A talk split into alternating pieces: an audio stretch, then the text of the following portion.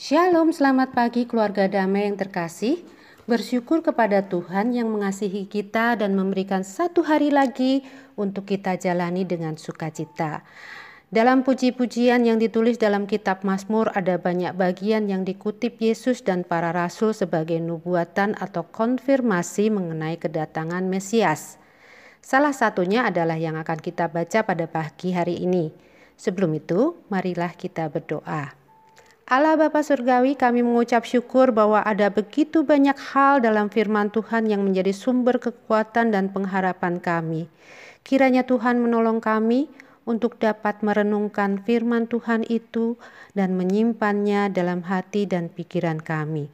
Sehingga meluap dalam tutur kata dan perbuatan kami. Dalam nama Yesus Kristus kami berdoa dan mengucap syukur. Amin. Pagi hari ini kita akan membaca Mazmur 110 tentang penobatan Raja Imam. Mazmur Daud. Demikianlah firman Tuhan kepada Tuanku. Duduklah di sebelah kananku sampai kubuat musuh-musuhmu menjadi tumpuan kakimu. Tongkat kekuatanmu akan diulurkan Tuhan dari Sion. Memerintahlah di antara musuhmu pada hari tentaramu, bangsamu merelakan diri untuk maju dengan berhiaskan kekudusan dari kandungan fajar. Tampil bagimu keremajaanmu seperti embun. Tuhan telah bersumpah dan ia tidak akan menyesal. Engkau adalah imam untuk selama-lamanya menurut Melkisedek. Tuhan ada di sebelah kananmu, ia meremukkan raja-raja pada hari murkanya. Ia menghukum bangsa-bangsa sehingga mayat-mayat berkelimpangan. Ia meremukkan orang-orang yang menjadi kepala di negeri luas. Dari sungai di tepi jalan ia minum. Oleh sebab itu ia mengangkat kepala. Sejauh ini pembacaan firman Tuhan kiranya Tuhan memberkati.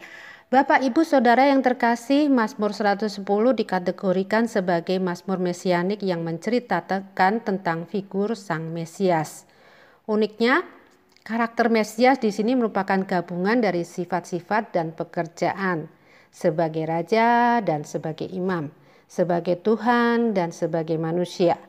Tuhan Yesus mengutip ayat ini ketika ahli-ahli Taurat berusaha menjebak Yesus dengan pertanyaan-pertanyaan seperti di Matius 22 dan Markus 12 di situ disebutkan umat Yahudi sudah paham bahwa yang dimaksudkan oleh Mazmur 110 ayat 1 dan 2 ini adalah berbicara tentang Mesias. Maka bertanyalah Yesus kepada mereka siapakah Mesias itu? Dan dijawab anak Daud. Tetapi mengapa Daud menyebutnya Tuan kalau Mesias itu anaknya atau keturunannya? Di dalam tulisan bahasa Ibrani disebut Adon, Tuhan. Kalau Mesias anak Daud seharusnya ditulis Yahweh berkata kepada anakku. Tetapi di situ ditulis Yahweh berkata kepada Adon. Dan dengan pernyataan itu orang-orang Yahudi itu bungkam, tidak dapat menjawab. Konsep Mesias bagi orang Yahudi adalah manusia yang diutus untuk menolong mereka bebas dari penjajahan entah itu penjajahan Romawi pada saat itu. Mereka punya agenda tersendiri, yaitu Mesias datang untuk menyelesaikan problem mereka yang berstatus sebagai umat pilihan saat itu. Mesias harusnya membantu menyelesaikan masalah mereka, menyelesaikan masalah manusia. Tetapi kitab Mazmur menyatakan bahwa Yahweh mempersilahkan Mesias untuk duduk di sebelah kanannya. Statusnya bukanlah sebagai pesuruh atau manusia biasa keturunan Daud, tetapi statusnya adalah sebagai tuan atau Adonai. Tongkat kekuasaannya diulurkan Tuhan dari Sion. Dia adalah raja segala raja keilahiannya setara, digambarkan duduk setara dengan Yahweh di sebelah kanannya. Sebagai orang percaya, kita perlu melihat kepada diri kita sendiri.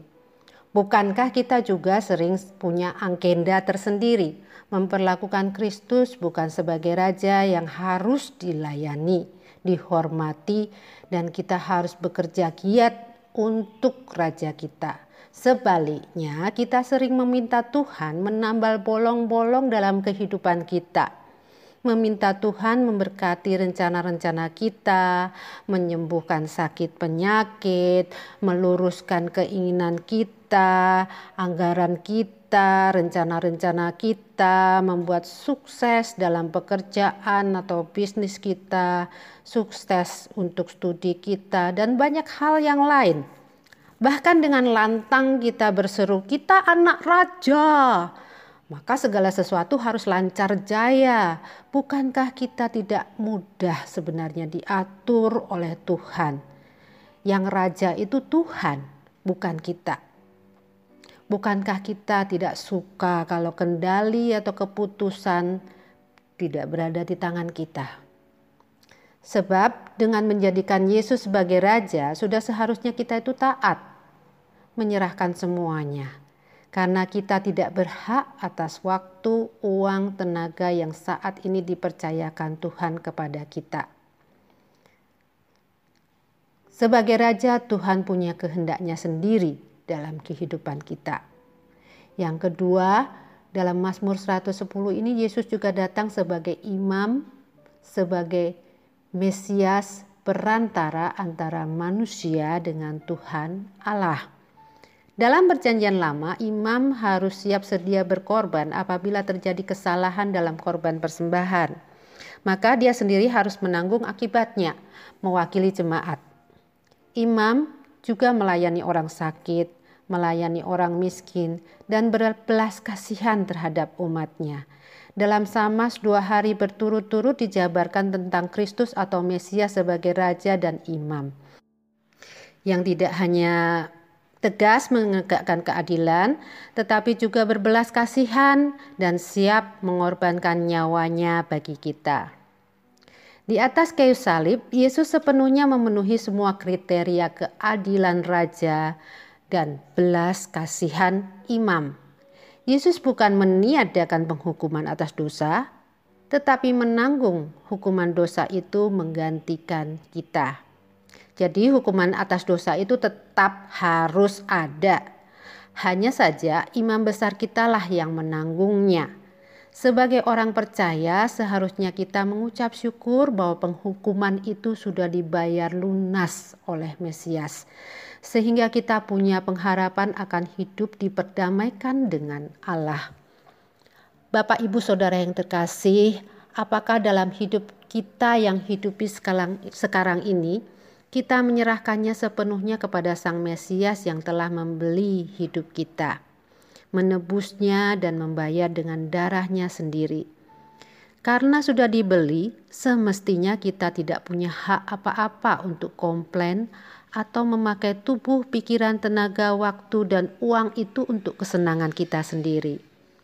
Seperti halnya Kristus yang mau datang melepaskan segala kemuliaannya dan berkorban untuk manusia, bukankah itu menjadi pola yang sama bagi kita? Yaitu segala sesuatu harus siap sedia kita lepaskan dan korbankan untuk kemuliaan Tuhan.